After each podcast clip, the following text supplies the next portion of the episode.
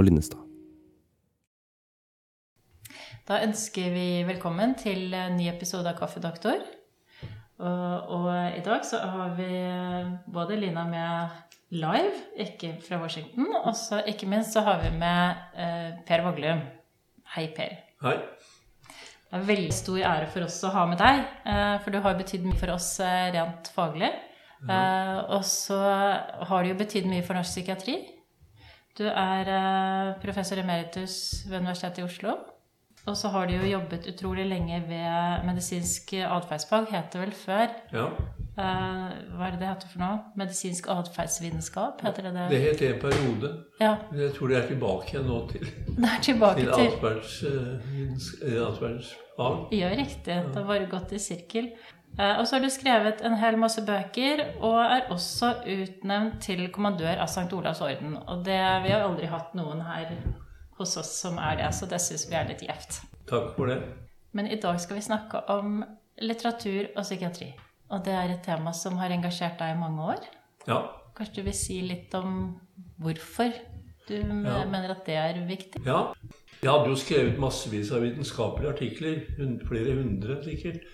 Men så begynte jeg etter hvert å få eh, litt problemer med det når det gjaldt eh, hvem litteraturen henvendte seg til. Og så skjedde det to ting. Det ene var at jeg, var medredaktør av en lærebok i medisinsk atferdsfag. Og så jeg, skulle vi også planlegge det såkalte TIPS-prosjektet, som jo interesserer seg for eh, mennesker som er i ferd med å bli psykotiske, men som ikke er blitt det enda. Og Poenget var jo da å man kunne oppdage dem tidlig, slik at de kunne få tidlig behandling for sin psykose. Det samme slo meg ved begge tilfellene, nemlig hva vet vi egentlig om hvordan de har det? Hvordan det er å være de pasientgruppene? Og så slo det meg også at eh, det språket som vi hadde skrevet i læreboken, det var ganske langt fra klinikken. Og så skrev jeg da en bok som jeg kalte 'Revisjonen', som handlet om en ung lege som fikk eh, i oppdrag av eh, professoren, den store professoren, å være med på å revidere hans lærebok i psykiatri. Den forteller egentlig veldig om hva som skjedde med meg selv. Fordi han, eh, den unge legen fikk altså med seg proffens bok, og så fikk han beskjed om at han skulle revidere de og de kapitlene. Først og fremst sjekke opp at det var ny, ny litteratur. Og så dro han på hytta, og så begynte han å lese. Det første han da leste, som han hadde ansvar for, det var kapittelet om schizofreni. Og da han var ferdig med det, så slo det ham Ja, men når jeg leste det kapitlet, så så jeg jo ikke for meg noen av de pasienter jeg har hatt som hadde schizofreni. Han begynte å se nærmere på teksten. Hvis han byttet ut ordet schizofreni eller psykose med influensa, så kunne man faktisk bruke boken også til det. Fordi at språket var akkurat det samme. Ja. Ja, og da tok jeg personlig da, den konsekvensen at jeg prøvde å bruke litterære virkemidler. Da. Eh, da, men da forlater du jo på en måte læreboknivået eh, og går over til eh, skal vi si, mer individualisert litteratur. da. Så det blir på en måte et supplement. Så, men eh, det, jeg fikk faktisk en eh, e-mail en gang fra en ung kollega som, apropos det med revisjonen, som skrev følgende Kjære Per Vagrum, nå må jeg bare fortelle deg en ting. Eh, Jeg har, to, har tatt psykiatri som valg sammen med resten av turnus. Og da jeg hadde vært på den avdelingen jeg er på nå, i en halvannen måned, så tenkte jeg aldri psykiatri. Jeg skal ikke bli psykiater. Og så sa overlegen til meg, har du lest revisjonen? Og nå skal jeg bli psykiater. Vennlig hilsen. Så fantastisk. Det var jo rørende. Veldig flott. Ja. Og den sjangeren som du beskriver, hvor du på en måte bruker fag eh, blandet med skjønn, skjønnlitteratur, den, eh, det har du jo eh, skrevet flere bøker Ja. eh, på samme måte, ikke sant? Jo da, men har, det har vært et problem også. På forlagene har problemer med å svelge dette at det verken er roman eller eh, fagbok. Så at, eh, så ja, men de, de er jo fått ut en, en del, da. Det har jeg. Vi kan kalle det den vaglumske måten å skrive på. Nei, det vet jeg ikke. Men det som jeg gledet meg mitt hjerte, det var at da jeg ga ut en bok som het 'Psykiateren', som var, er en fagbok, ikke noe skjønnlitterær, en fagbok, så fikk jeg straks en del meldinger tilbake fra unge kolleger som sa 'Det er den beste læreboken vi har lest'. Jo, hvorfor det? Jo, fordi den var så personlig. Og det var ikke noe jeg i det hele tatt hadde tenkt på. Men jeg hadde da tydeligvis Eller jeg, den jeg kanskje da skrevet ut fra Hvor det gjen, skinner gjennom egne erfaringer. da. Jeg hadde ikke holdt meg strengt til uh, fagbokkravene. ja, Så for- det var jo For hva tror du da er ved liksom, det skjønnlitterære aspektet som gjør at ja, f.eks. det oppleves som en bedre lærebok? Da? Hva er det ved det skjønnlitterære som treffer oss, på en måte? Jeg vil ikke si at det er bedre, men det er et nødvendig supplement. da. Men det som er bedre med det, det er jo nettopp at man, du kan gjenkjenne Akkurat som når du leser romaner som er gode, da, så, du gjen, så vekker det jo følelser. Og du kan også gjenkjenne noe fra ditt eget liv. Og hvis du gjenkjenner noe fra ditt eget liv, så blir du kanskje mer åpen for at dette med psykiatri er heller ikke veldig er ikke så distansert. Det dreier seg om eh, enkeltmennesker. Sånn at eh, da blir jo på en måte den De, historiene jeg har med, de blir jo da eh, Skal vi si et supplement. Så derfor så har jeg lagt inn en del sånne intervjuer eller sykehistorier som jeg har tatt fra min egen praksis, men selvfølgelig kamuflert veldig. Men det er jo en levendegjøring at du skriver om uh, istedenfor disse tørre diagnosene, at man får kjøtt på beinet, rett og slett. Det er det som er meningen. meningen. Men samtidig at det skal berøre, da. Ja. Og det er jo det med det litterære, at det skal vekke følelser.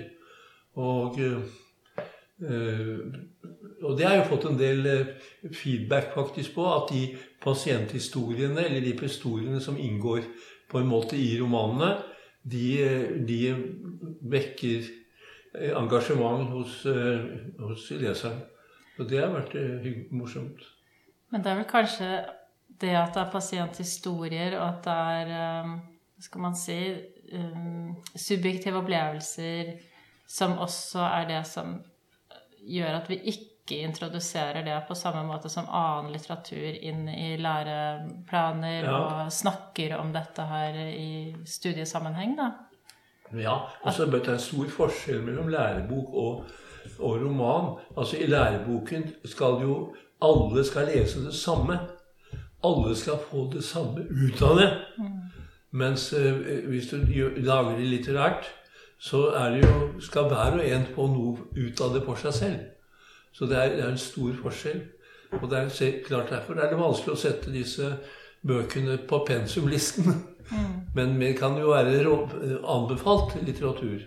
Men det er jo en del brukerorganisasjoner og um, mener hun heter Rose, en som har vært en av de foregangskvinnene for brukerevolvering fra, USA, nei, fra England, en forsker, som har kritisert um, kanskje mer standen psykiatere enn læreplanen vår, for å ikke ta inn det de, som de kaller grålitteratur, som er litteratur som ofte innebærer brukeropplevelser, eller ja, annen, annen type litteratur som kan forklare eh, de fenomenene vi ser, da.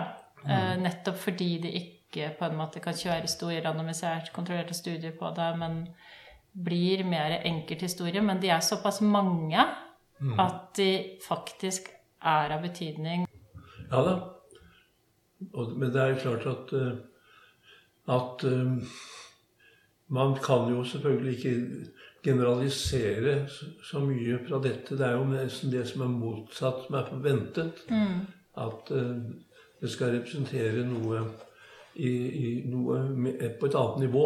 Og det er jo veldig viktig når det gjelder f.eks. alle alle eh, pasienter eller mennesker med alvorlige lidelser. Det er jo lett å oppfatte at alt de gjør, er et resultat av psykosen, f.eks., mens det slett ikke behøver å være det. Og at alt den depressive gjør, er resultatet av depresjonen. Det behøver det slett ikke være. De har jo andre områder også. Men og der vil jeg si f.eks. Gunvor Hofmo, da, som hadde paranoid schizofreni hele livet. Hun var jo da et eksempel på at du kunne skrive 20 diktsamlinger på toppnivå selv om du var paranoid schizofren hele livet. Kan ikke du fortelle litt mer om Gunvor Hofmo? For hun var en viktig person både i norsk litteraturhistorie, men også ja. innen psykiatrien. Jo, det gjør jeg gjerne. For det at da, jeg, da vi planlagde dette tipsprosjektet som skulle gå på tidlig oppdagelse av psykose, så sa jeg jo det at jeg, at jeg ville Hva har vi egentlig av stoff om hva de opplever, de som er i den fasen? Og da kom jeg på Gunvor Hofmo. For og da tenkte jeg at kanskje har hun skrevet noen dikt også i den prodromfasen, den fasen før hun ble akutt psykotisk, som kanskje kan fortelle oss litt om hvordan det verden da oppleves. Eh, og, eh, og da gikk jeg til Gudmor Hofmo, som jeg egentlig kjente fra jeg var student. Fordi jeg oppdaget at jeg hadde to av de, første, de to første diktsamlingene til Hofmo hadde jeg i bokhyllen. Jeg hadde kjøpt den ene for to kroner, den andre for fem kroner. Og, og, men da jeg åpnet de og begynte å lese de, så ble jeg veldig fanget. Men så hadde jeg ikke tenkt på henne mer. Og så kom dette her Hva har hun skrevet mens hun var både prodromal og psykotisk? Og da bare åpnet det seg en fantastisk verden og en følelse hos meg som, som, en, som, dere sikkert også opplever av og til, at hvis du leser et dikt eller en strofe som på en måte gir en slags eh, lystfølelse eller en slags glede, eventuelt en kontakt med, med, med fortvilelse og lei seg det er, jeg, jeg, jeg, blir så engasjert av det at, eh, at det var veldig og jeg kan lese et av de diktene for dere som, som, eh, som fanget meg veldig. Det er den første diktsamlingen til Gunvor Hofmo, som altså er født i 1921. da. Og så Denne diktsamlingen kom i 1946, altså rett etter at krigen var slutt. Og den diktsamlingen kalte hun 'Jeg vil hjem til menneskene'. Men for å si det sånn, hun kom aldri hjem til menneskene i sitt liv. Og det var kanskje bra, for det betød at hun fortsatte å skrive, kanskje for å komme hjem til menneskene. Og dette her diktet heter 'Ensomhet', og som er veldig typisk for hvordan hun da kan uttrykke den tilstanden vi kan være i, hvor du er totalt ute av verden, hvor du ikke har kontakt med noen. Og det hadde hun heller ikke under oppveksten. Her skriver hun om ensomhet. Du som en gang var hjemme hos menneskene, og kjente deres smil og tårer kime i stillheten inni deg. Du er gått ut på veiene hvor tomheten skriker at du er revet ut av sammenhengen.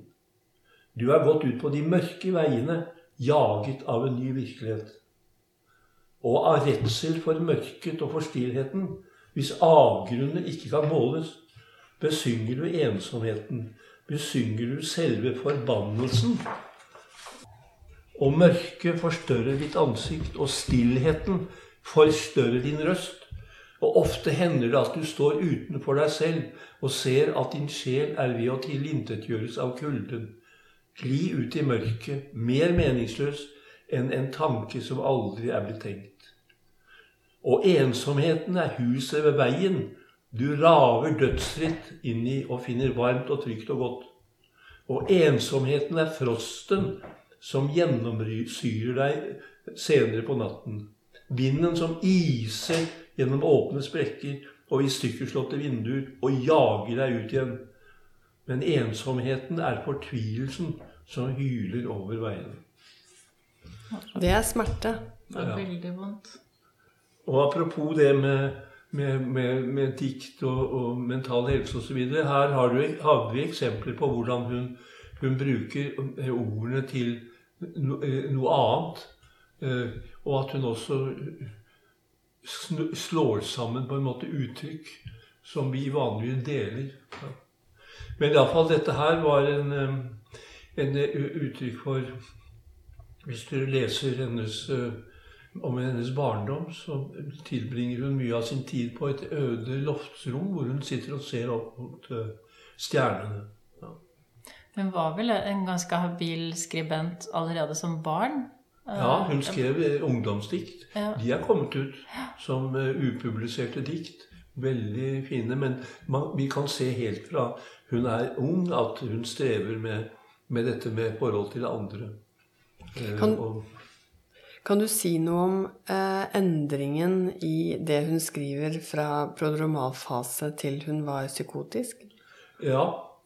Altså, dette her var jo fra podromfasen, førfasen. Men i det øyeblikket hun blir psykotisk, da har hun en periode ja, akutt psykotisk. og hun var veldig psykotisk. Hun eh, hadde jo en følelse av at hun skulle brenne opp. Hun holdt på å sette fyr på andre mennesker. Og hun eh, var, hadde morderiske tanker mot legen hun hadde på Ullevål osv. Så, videre. så hun, det var da hun kom på Gaustad. da. Men, men hun, det som skjer da, er at hun får psykofarmaka etter denne voldsomme fasen hvor hun skriver dikt som er veldig rørete, men de er jo ikke uforståelige. Overhodet ikke. De kan være helt vanlig friskt menneske som kan skrive dem. Men så skjer det, og det har Jan Erik Vold også skrevet om, nemlig at når hun får psykofarmaka, så slutter hun med disse ekspresjonistiske diktene, som vi hørte et eksempel på, og går over til såkalt imaginære eh, imag, imag, di, imaginære dikt. Vil si at hun går over til å beskrive mer enn å uttrykke følelser. Men, men også de beskrivelsene hennes er veldig talende. F.eks. Gaustad sykehus beskriver hun som eh, Det er som om kuene står på båsen og rauter i sine røde båser. Og Det er et eksempel på at du kan koble sammen to ting som ikke har noe med å gjøre. Og det er en typisk. Det er en egenskap som hvis du, klarer, hvis du kan ta utnytte den, så kan du altså få uttrykt ting som vanligvis ikke uttrykkes av folk. Men det har ikke noe med psykose å gjøre, men det har noe med kreative evner å gjøre. Så Hun skrev vel også en del om hvordan det var å være på Gaustad. eh, Absolutt. Og møte med behandlingsapparatet. ja da, veldig. Og hun har et dikt som, hvor hun, eh, hun gjør narr av dette med, med, med vevstuen. Hvor hun, eh, hvor hun skriver om forskjellige ting man skal gjøre, men så blir det hele tiden avbrutt med «Hold- deg til veven. Hold deg til veven. Ja. Forsøk på å ramme henne inn på feil måte. ja. Men hun hadde jo også en lang periode på Gaustad hvor hun ikke skrev. Og så var det et Ja. sånn vendepunkt som var litt spennende. Ja, det er riktig. Hun, hun holdt opp i 20 år, altså. Eh, Da, etter at de første fem diktsamlingene, de tre siste da hun var psykotisk, så holdt hun opp i 20 år. Og kom ikke med noen flere diktsamlinger. Men så du kjenner du historien, ikke sant, om at de overlege Bremer på kvinneavdelingen på Gaustad, han går i sitt. Eh, Og eh, sammen med oversykepleier, sånn som de pleier å gjøre. Dette har han selv skrevet om. Eh, Så sier oversykepleier Frøken Hofmo vil ikke gå på arbeidsstuen. Ja, men de må gå på arbeidshund. Alle må gå på arbeidshund. Ja, men jeg vil ikke. Ja, men hva skal de gjøre da? Pause. Ja, men da er det noe de kan. Jeg kan dikte, sier hun. Jaha. Så ber han oversøster om å skaffe et bord som kan stå i, ved et vindu i korridoren. Og der setter hun seg og skriver til slutt 20 dikt, eller 15 diktsamlinger. Og den første hun skriver der, den får Kritikerprisen. Så Veldig fantastisk historie. det er en fantastisk historie. Så etter 20 års stillhet Ja, så ja. kommer 15 Ja. diktsamlinger. Man kan jo lure på om hun ikke kunne ha gjort det litt før. Men hun hadde, hun hadde altså ikke Situasjonen var ikke der da.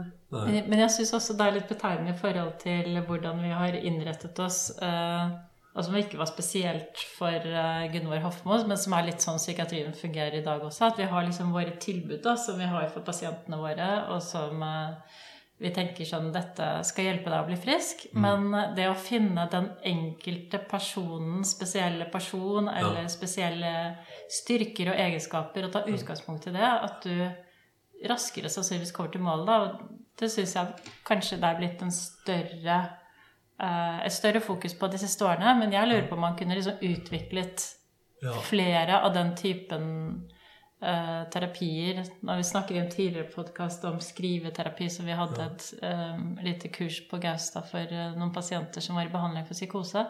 Og bare se hvordan de blomstrer på en helt annen måte, og som de selv beskriver når de intervjuer dem, Uh, når de får lov til å holde på med det som gir dem litt sånn Bidrar til deres egen drive, da. ja. Ja, det er jo veldig forskjellig hva slags type Det er ikke alle som syns det er gøy å lage dorullnisser. Nei. Nei, nei, nei. Nei, Og så er det det at hvis du er kreativ, ja, så er det klart at det er, det er grenser for hvor mye du kan lage av kreative ting på den uh, arbeidsstuen. Så det kan jo hende at hun lagde noe. Men, uh, men altså, det der med å se ressursene Det minner meg om en som eh, en mann på ja, 25 kanskje, som jeg veiledet behandlingen av. Eh, Og eh, ingenting skjedde. Han, han, var, han falt helt ut på en måte. Han var på en sånn terapeutisk samfunnsavdeling da, på Betanien, var det vel. Men han, de, de fikk ikke til noen ting. Så en dag da så spurte jeg han som jeg hadde veiledet med, har du spurt han hva han er god på? Nei, det hadde han ikke. Så kom han tilbake, til legen, unge legen, og så sa han Du, han sa at han var god på å rappe. Ja vel. Rapper han da? Nei, det gjør han ikke. Du, da syns jeg at det, vi skal prøve å få lagt forholdene til rette for at han kan få rappe. Og det ble starten, altså. På en rappekarriere, faktisk. Ja. Jeg tenker på det. Ja. Men han kunne ha fortsatt og gått i årevis, han som, som kronisk psykiatrisk pasient. Jeg tenker dette med kreativitet og hvilke uttrykk man har um, Det er vel en form for kommunikasjon, egentlig, ikke sant? Ja. At det er en måte å uttrykke følelser på, og så har man hver sin vei eh, til å gjøre det. ja. Um, Eller å hindre dem å komme ut. ja, nettopp. Det Ja. kan også bli for mye. Ja. Ja, tenker du at, eh, at um, kreativiteten er et slags sånn utløp da, for, det, for, det, for å dekke over noe annet mer? ja, det kan jo sikkert være det hos noen, men jeg opplever mest eh, at, eh, at kreativiteten er en kilde til å kommunisere med andre, og til å også kommunisere med deg selv. Men det er klart at du, det, hvis du åpner opp på kreativitet, så kan jo også komme veldig sterke følelser. Som kan være vanskelig å, å takle. Og hvis du har traumer, f.eks., så kan det jo bli at de traumene dukker opp igjen. Sånn at, eh, sånn at du kan si at det er så virksomt, det med å slippe til kreativitet. At det kan gå begge veier. Men jeg tror at for de fleste så er, det, er det positivt. Ja, og Hvis man kombinerer det med terapi, så må det jo være Ja, Det er jo det som er det ideelle. Ja. Ja. Men jeg har jo selv opplevd det at, eh, at da jeg skrev den nest siste boken min som heter 'La oss snakke om noe annet', hvor jeg, hvor jeg, som er en, en, en mann som snakker med moren sin eh, om noe de aldri har snakket om. Eh, og da jeg hadde vært ferdig med den boken, så var jeg en annen person. Og hvorfor det? Jo, fordi den boken handler om den samtalen jeg aldri hadde med moren min. Men da hadde jeg hatt den. Mm.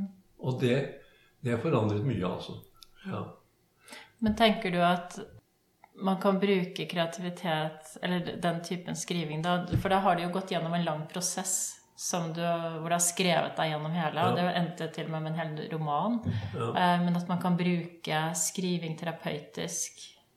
Burde du kunne jobbe med det i psykiatrien også? Absolutt. Jeg vil, for det er jo nett, da henvender jo dere, eller vi, da henvender jo oss til en annen side av pasienten enn enn eventuelt en alvorlig psykisk lidelse.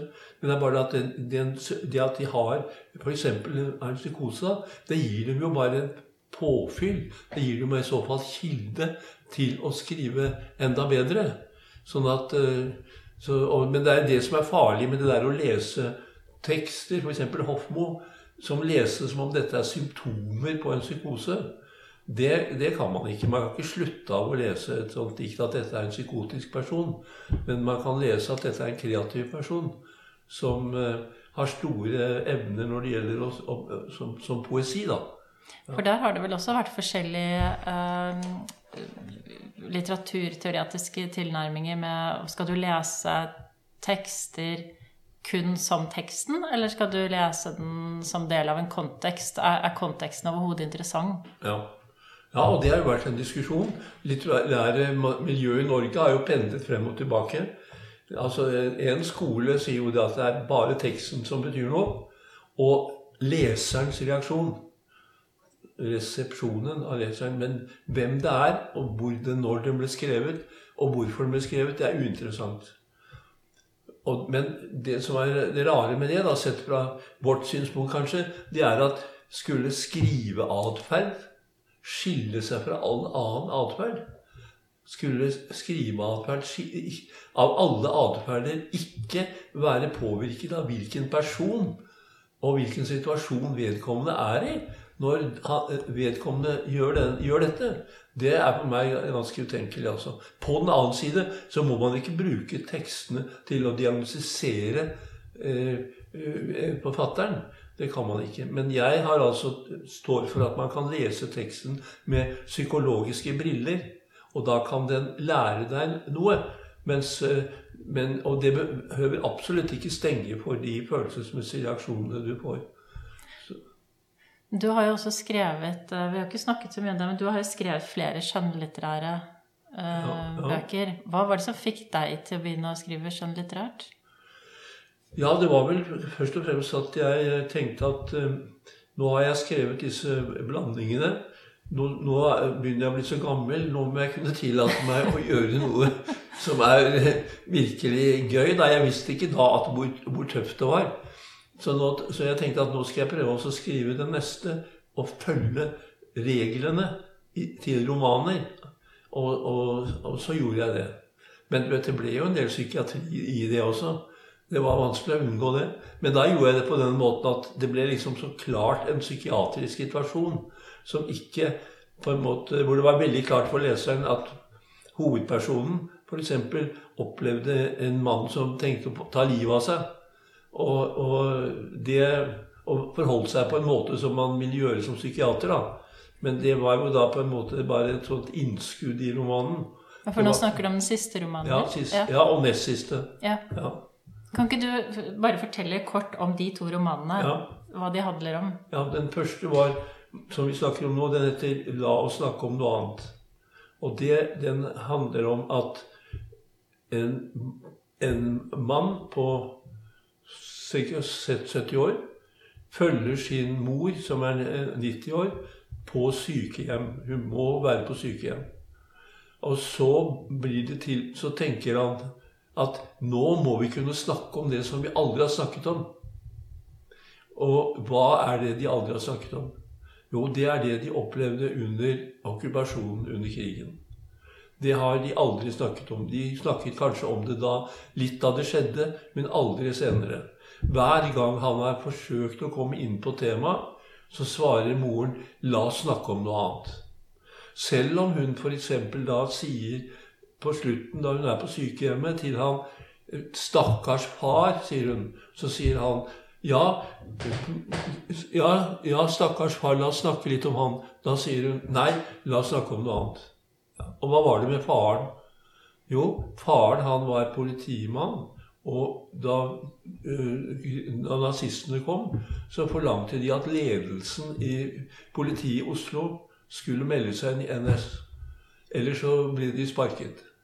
Og så hadde de fem-seks lederne der, da, eh, kriminalsjefen og osv., de hadde da hemmelige møter og tenkte skal vi melde oss inn, eller skal vi ikke? Så ble de enige om, så konsulterte de bl.a. Hjemmefront, eh, senere hjemmefrontledere osv. Og, så og alle sa til dem at dere må gjøre det dere tror er riktig. Ok. Så ble de enige om at de skulle melde seg inn, og så skulle de melde seg ut én og én, slik at det ikke ble oppfattet som en, som en, eh, en, eh, aksjon. ikke sant? Ja. det, alt dette her visste ikke og Min far han da meldte seg da ut i januar eh, 42. En, dette her kom over meg som en voldsomt sjokk. Men det som skjedde, var nemlig at da vi var i Da det nærmet seg eh, slutten av april 1945, så sier mor plutselig en dag du må ta med pakke noen eh, av klærne dine, for vi må rømme. Rømme Jeg jo, skjønte ingenting. Jeg var bare eh, Det var altså Jeg var åtte-ti år. Og så rømte vi. Og Først så bodde vi et natt et sted, og så rømte vi derfra til et annet sted. Og så et tredje sted. Og et fjerde sted. Og vi skulle nemlig til Sverige, men vi måtte vente på transport. Og så kommer den 8. mai, og dermed er krigen over. Og vi var alle glade. ikke? Og så, i, tre år etterpå, i 1948, så kom jeg hjem, og så er faren min der. Som han ikke pleier å være. Og så forteller han meg at jeg må fortelle deg at i morgen så kommer det til å stå om meg i avisen fordi jeg er, skal opp i en rettssak fordi jeg var medlem av NS fra da til da. Og, det, og, og jeg tenkte at ja, men du, du holdt jo på å dø, du var jo med i hjemmefronten osv.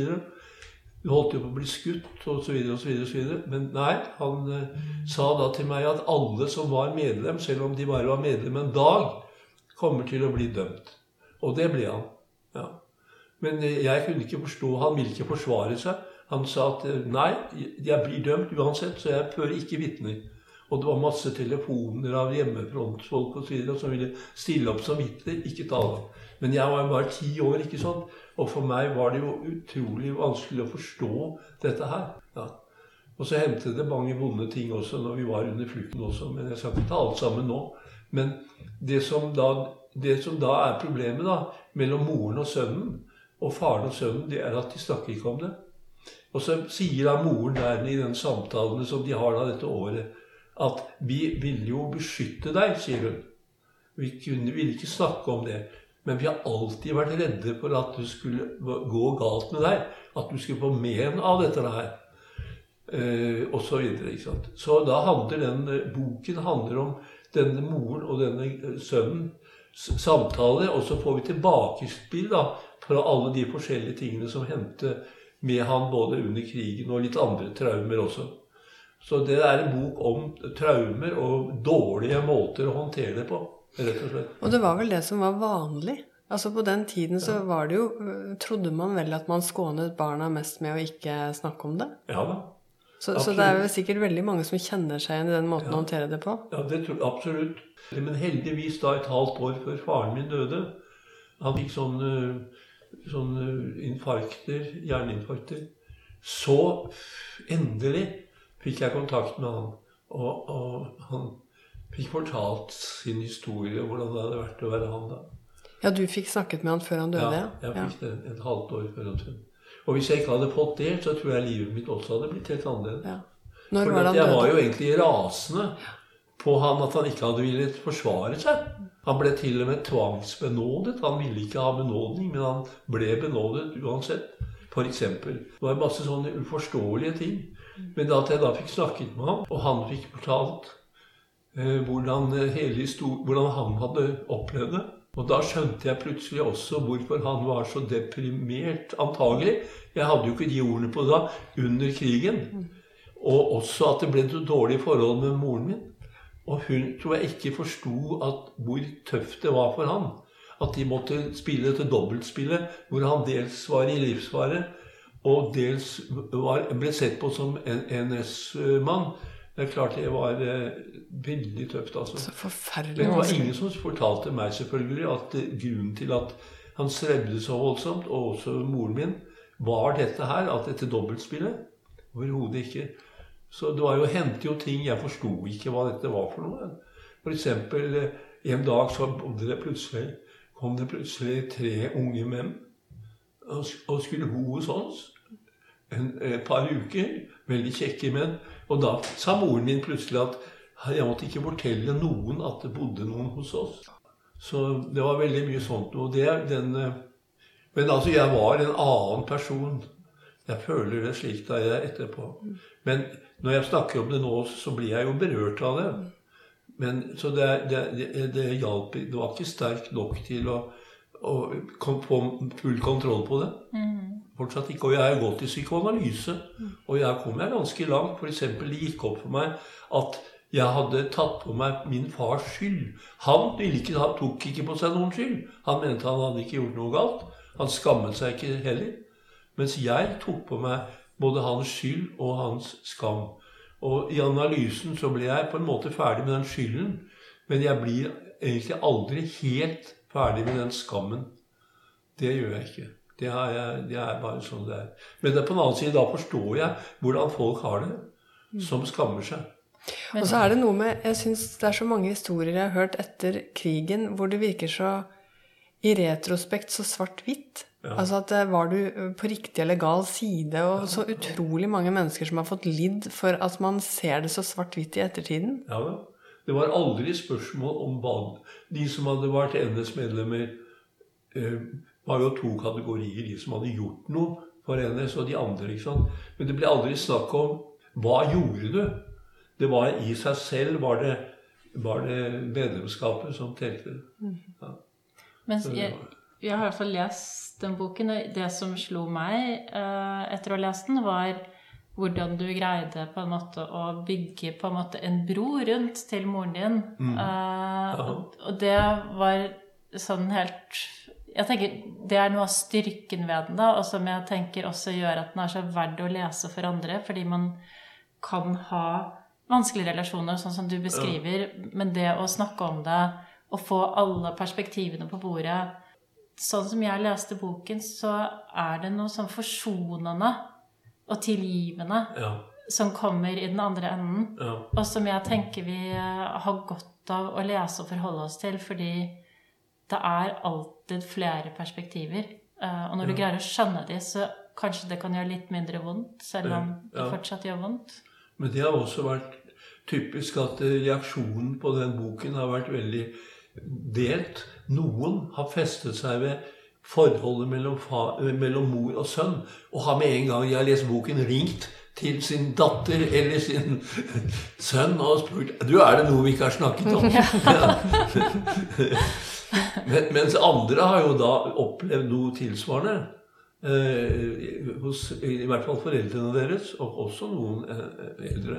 Vi har jo tidligere snakket med Anna Louise Kirkengen Ja, i denne podkasten, og hun har jo beskrevet litt som litt lignende på en måte, som traume ved å være Du kjenner sikkert til ja hun kommer kom fra å være tysk, ikke sant? Ja. Og det å være tysk i Norge da, det var ikke lett, altså. Nei, også det med den skamfølelsen som sitter der, selv om du ikke egentlig er skyld i Ja. noe og er et helt uskyldig individ oppi den situasjonen, Ja. så sitter du med en sånn følelse av at det hekter noe ved deg. Så Det du er, ikke helt det er kollektiv skam på en måte. Ja. Ja. Det er rart hvordan det, det sitter, altså. Mm. Kan du si noe om eh, samtalen med moren din? Den reelle moren, eller? ja, Men var det ikke det at du Det det er jo fiksjon dette er fiksjon. Ja, Ja, ja. så, så Ja. den fikk du aldri? Det har aldri. hatt den Du har aldri hatt Nei, for at Nei. den, det er på en måte boka di som Ja, eh, ja. har vært din prosess Ja. i det. Ja. Ja. Det har vært det. Men det, da jeg skrev den, så dukket det jo veldig mange ting, da. Også uh, som jeg ikke har tenkt på på mange år. Og det er det morsomme med å, uh, å skrive skjønnlitteratur. Det er at du får en eh, det, du får, Av dette at det strømmer til med assosiasjoner og minner som du ellers aldri har kontakt med. Så jeg kan anbefale dere å skrive skjønnlitteratur. Begynn å skrive. Men du har jo skrevet en bok til som kom ut for ikke så veldig lenge siden, og den har et helt annet tema. Ja. Det er et annet tema. Kanskje vi er- forteller litt om det? Da driver litt reklame for bøkene Ja. dine, Per, men det syns Det jeg har var det. et, eh, det, si det er litt flere temaer, det også. Men ett tema er jo da hvordan en eh, hovedperson, en mann med, Kona dør plutselig. Han finner henne død på kjøkkengulvet. Og så eh, blir han jo skikkelig deprimert. Men så en dag så oppdager han at det han har pleid å gjøre når han har hatt det vanskelig, det er å snakke med kona. Selvfølgelig. Og så nå er ikke hun der. Og så går han og legger seg i sengen sin og tenker nå skal jeg tenke på henne. Kanskje det kan hjelpe meg. Og så viser det seg det at han klarer ikke å se bilder noen bilder av henne for seg. Hun er borte, også i kan vi si, den indre verden. Og da blir han helt desperat av hva skal han gjøre da? Og så drar han da til Stockholm, hvor han traff henne, og hvor de hadde mye god, gode, eh, gode dager sammen da de var unge. Og så tenker han at hvis jeg drar dit, så må jeg jo komme på bildene henne. Og så vil jo ikke hans sønn at denne gamle mannen på 70 år skal dra til Stockholm alene. Kjenner ingen der. Men han gjør det. Men på toget så kommer det en kvinne og setter seg ved siden av ham og spør om ikke han kan hjelpe henne å løfte opp kofferten. Og det blir da starten på et, et bekjentskap med henne. På toget blir de bare snakker osv. Men da de går av toget, så sier hun som har fortalt at hun jobber i Sosialdepartementet, at, at ja, hvis du trenger hjelp, så får du ringe meg i departementet, sier hun. Og han tenker ikke på at han skal behøve det, men så blir, han, blir det veldig tøft å være alene der. Og, og, det er mye litt frem og tilbake, og til slutt så ringer han til henne og, og, og forteller at han var der og der. Og så meget motstridende så, så vil hun da etter hvert møte han, og så utvikler det seg da et, et forhold. Og så har de begge to en bakgrunnshistorie som også belyser alle de knutene og flokene og båndene som man kan se i forskjellige relasjoner. Og det, og det blir da på en måte det faglige, kan du si, te, temaet i det. Ja. Og så vil jeg ikke si hvordan det går. Men altså, den er i hvert fall eh, men jeg har brukt da, for eksempel da, I den boken har jeg brukt to historier som jeg selv har, har opplevd. Det ene med en mann som ville hoppe ut fra et tårn i Stadshuset i Stockholm. Som jeg så og skjønte hva som var på gang. Og det andre da, er da en gutt som eh, som hvor far dør i en ulykke, og han begynner da å slurve med sin eh, diabetes. Og etter hvert som jeg får snakket med han i virkeligheten, da, så går det frem at han har påtatt seg farens død. At det var hans skyld. Mm. Og så, så, klarer han å, å, å komme videre og begynne å bruke insulinen sånn som han skal. da. Og Det har jeg da brukt som eksempel, da, eller som historie. Men i, i, i, boken så gjør hovedpersonen hjelper denne gutten for å være flink gutt i forhold til denne kjæresten. Og hun ber han om å hjelpe, for dette er et barnebarn. Så han har ikke noe lyst på det, men han må gjøre det, fordi han, da vil han jo ikke Da vil han jo svikte henne. Mm. Ja, og Så, videre. så flokete kan livet være. Og det er jo sånn. Det er jo utrolig mange irrganger, tenker jeg, som ja. er spennende og ja. Mm. Jeg tenker også at den boken eh, tar for seg kanskje en periode av livet som ikke er så ofte belyst i litteratur. Mm. Uh, den der å gå over i en annen fase. At man har liksom levd veldig lenge sammen med en partner, og så blir den ene av partene borte, og så er det jo faktisk et liv videre. Ja. Og hvordan skal man forholde seg til ja. at det er et liv videre? Ja, og det er jo et veldig tema, da. Dette med er svikter jeg den døde kona, ikke sant, og hele pakka. Og hun er også da enke, som man har truffet. Mm. Så den handler, det er også tema, da. Hvordan, hva kan man gjøre når man er blitt alene? Ja. Jeg syns også det er Jeg oppfatter det også litt lite snakket om. Ja. Det, det, med å bli enke eller enkemann, ja. og hva det gjør med en. Og som du sier, har jeg egentlig lov å være glad på en måte igjen, eller Ja. ja. Har man lov å skape seg et nytt liv, mm. eller skal man bare på en måte fortsette sånn det halve livet videre? Da var jo jeg selv oppi det, ikke sant. Min uh, Min kone hun døde jo da i, i 2016. Eh, og denne boken skrev jeg da i 2020. Eller 21, kanskje. 20, ja. Det var jo også en måte å bearbeide tapet av henne på. For da kunne jeg bli minnet hun Hele vår historie kommer da som tilbakeblikk i den boka. Så du kan si at noe i den er jo selvbiografisk inspirert. Det er den. Ja, du har kjent på de følelsene av, ja. og sikkert sånn som du ja. beskriver også, ja. det å ikke klare å hente frem helt mennesket lenger. For det blir vel nesten et nytt tap Ja. når, når det mennesket på en måte forsvinner litt. ja, det var totalt Det ville være et totalt tap. Det har ikke jeg opplevd. Nei. Heldigvis. Men, eh, men det som var problemet, da, f.eks. med å skrive om det som vi hadde hatt sammen tidligere, det var jo at jeg begynte å savne henne veldig igjen.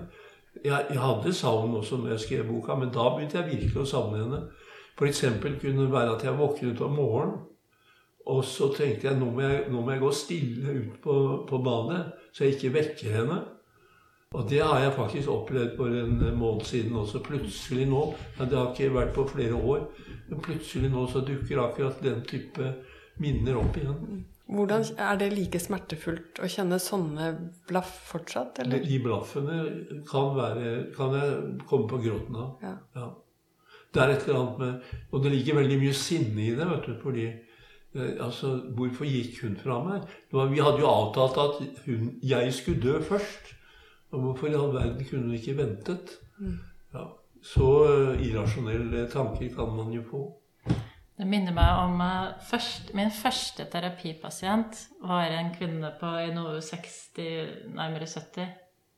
Som egentlig hadde fått avslag fra poliklinikken i København, da, som var i en sorgprosess av mannen sin. Og så trengte de sånn, Vi unge trengte jo liksom noen eh, pasienter. Så jeg ble tildelt henne, og det var bare så fiasko. Fordi jeg var liksom 26 år og satt der og skulle høre på henne. og det gikk liksom Ja. tre ganger, så sa jeg sånn 'Unnskyld meg, vennen min, men jeg tror jeg trenger å snakke med en som er eldre enn meg'.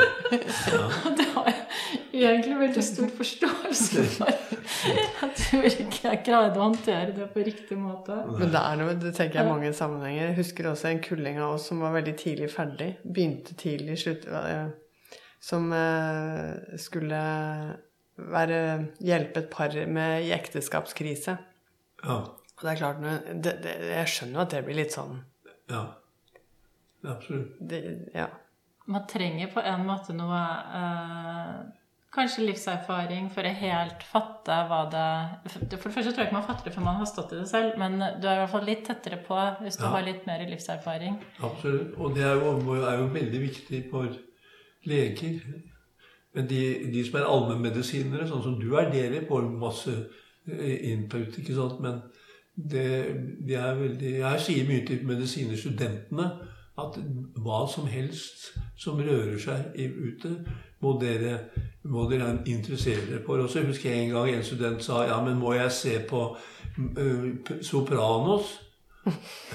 Og da svarte jeg selvsagt.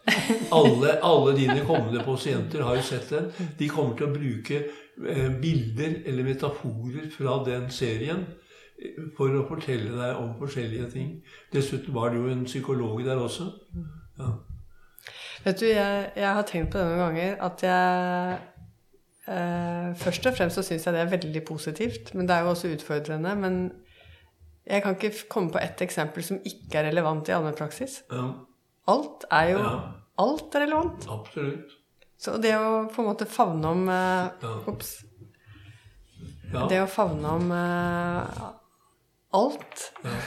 Verken mer eller mindre. Jeg jobbet som allmennpraktiker et år på Kalbakken og fulgte opp den praksisen i sånn eh, delvis i tre år.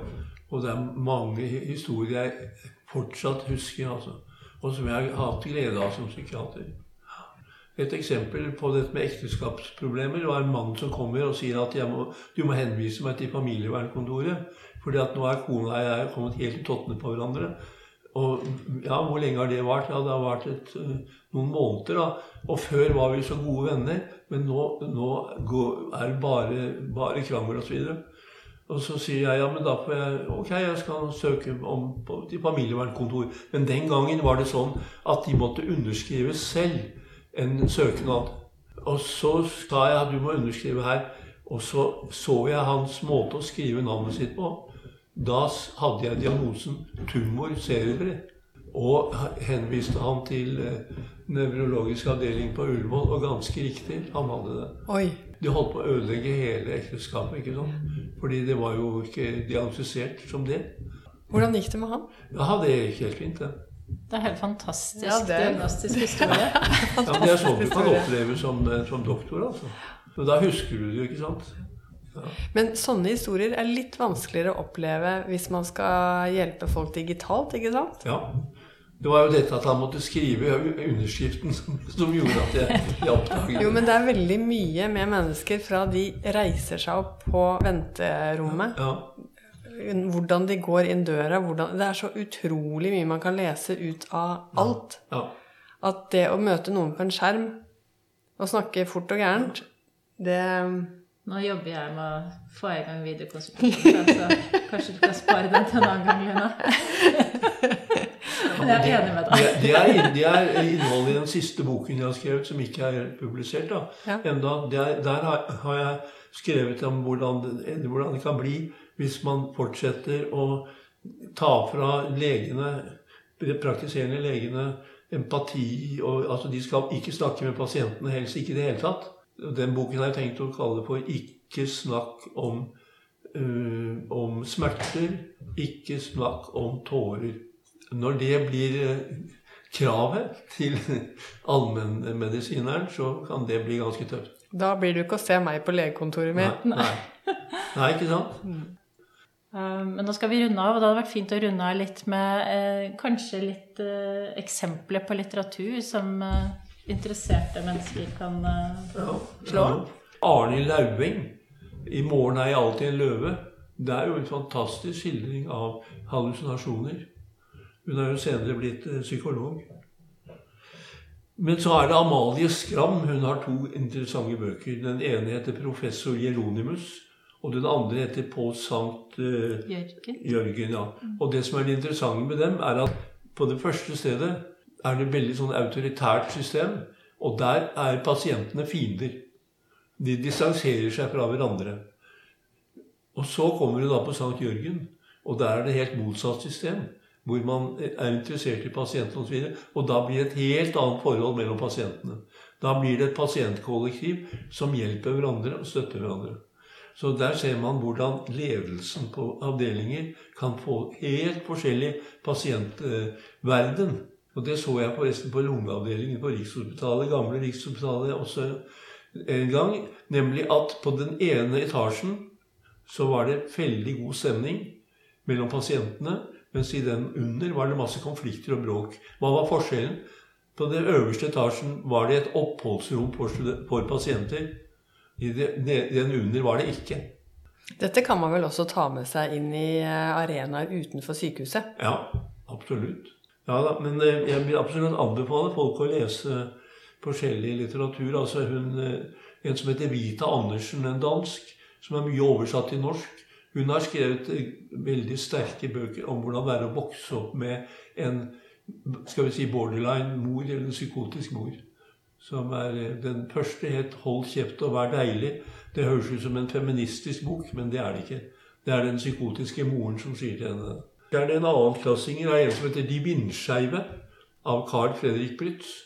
Han forteller da eh, sannsynligvis om seg selv. Han er først pasient på Vinneren, så er han pasient på Modum, og så er han pasient på Lovisenberg.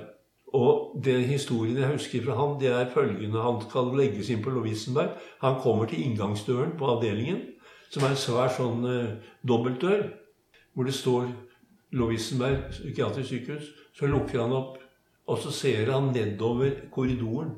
Og så er han filmfotograf. Og så tenker han En så forferdelig stygg og disharmonisk korridor ville vi aldri klart å finne på til noen film, tenker han. Hvem er jeg som blir møtt med dette? Ja. Og det sier litt om betydningen av hvordan også lokalitetene er for folk som har psykiske vanskeligheter. Er du deprimert, og så kommer til et sted hvor, hvor, hvor det er deprimerende for alle, så er det klart at det, det er ikke veldig bra. Det har vi snakket litt om i en tidligere episode, ja. Det Det er jo dessverre sannheten for veldig mange psykiatriske avdelinger i vårt land. Da jeg jobbet på, på akuttavdelingen på Ullevål for mange år siden, da, så hadde jeg en, en kvinnelig pasient som var depressiv. En kvinne i 60-årsalderen. Og vi gjorde alt mulig. Brukte Sarotex og alt mulig. Hun ble ikke noe bedre. Så en dag kommer jeg på, på, på jobben på mandag, og der sitter hun og snakker med de andre pasientene. Og ser helt annerledes ut. Hun har virkelig hatt sånn kroppslig syn på depresjon. Så jeg tenker, hva i huleste? Er de gått over på ny medisin nå i helgen osv.? Så, videre? så så fikk jeg jo snakket med henne. Vet du hva som hadde skjedd? En medpasient hadde kommet og vasket håret hennes. Det er en veldig vond Det snudde hele. Ja. Men på en måte kanskje også litt oppløftende, for noen ganger så er det ikke så mye som skal til. Vi må bare se det. Ja. Ja. Men det er jo helt forferdelig at sånt kan være mulig. ja. Ja. Det er mulig. Ja. Men nå har vi fått masse gode råd om god litteratur. Det er nesten så vi burde sende det inn til fakultetet og spørre om de ikke skal sette det som anbefalt litteratur på pensumlista. Ja. Vi får tenke på det. Vi får tenke på det. Vi skulle egentlig hatt mange episoder med deg, for det er så mye å snakke om. Ja, ja, dere får komme igjen. Ja, gjerne. Men Det har vært fint å snakke med dere, da. Det har- det har- Dere har vært sett så interessert ut. Ja, vi, er, vi, er, vi spiller ikke, vi er Nei, det. vi, vi er sånn. Det har vært veldig veldig hyggelig å snakke med deg, og tusen hjertelig takk for at du ville være med. Takk selv. Og så sier vi som vi pleier, Lina. Livet er ikke det verste vi har. Og bitte litt er pulverkaffe klar.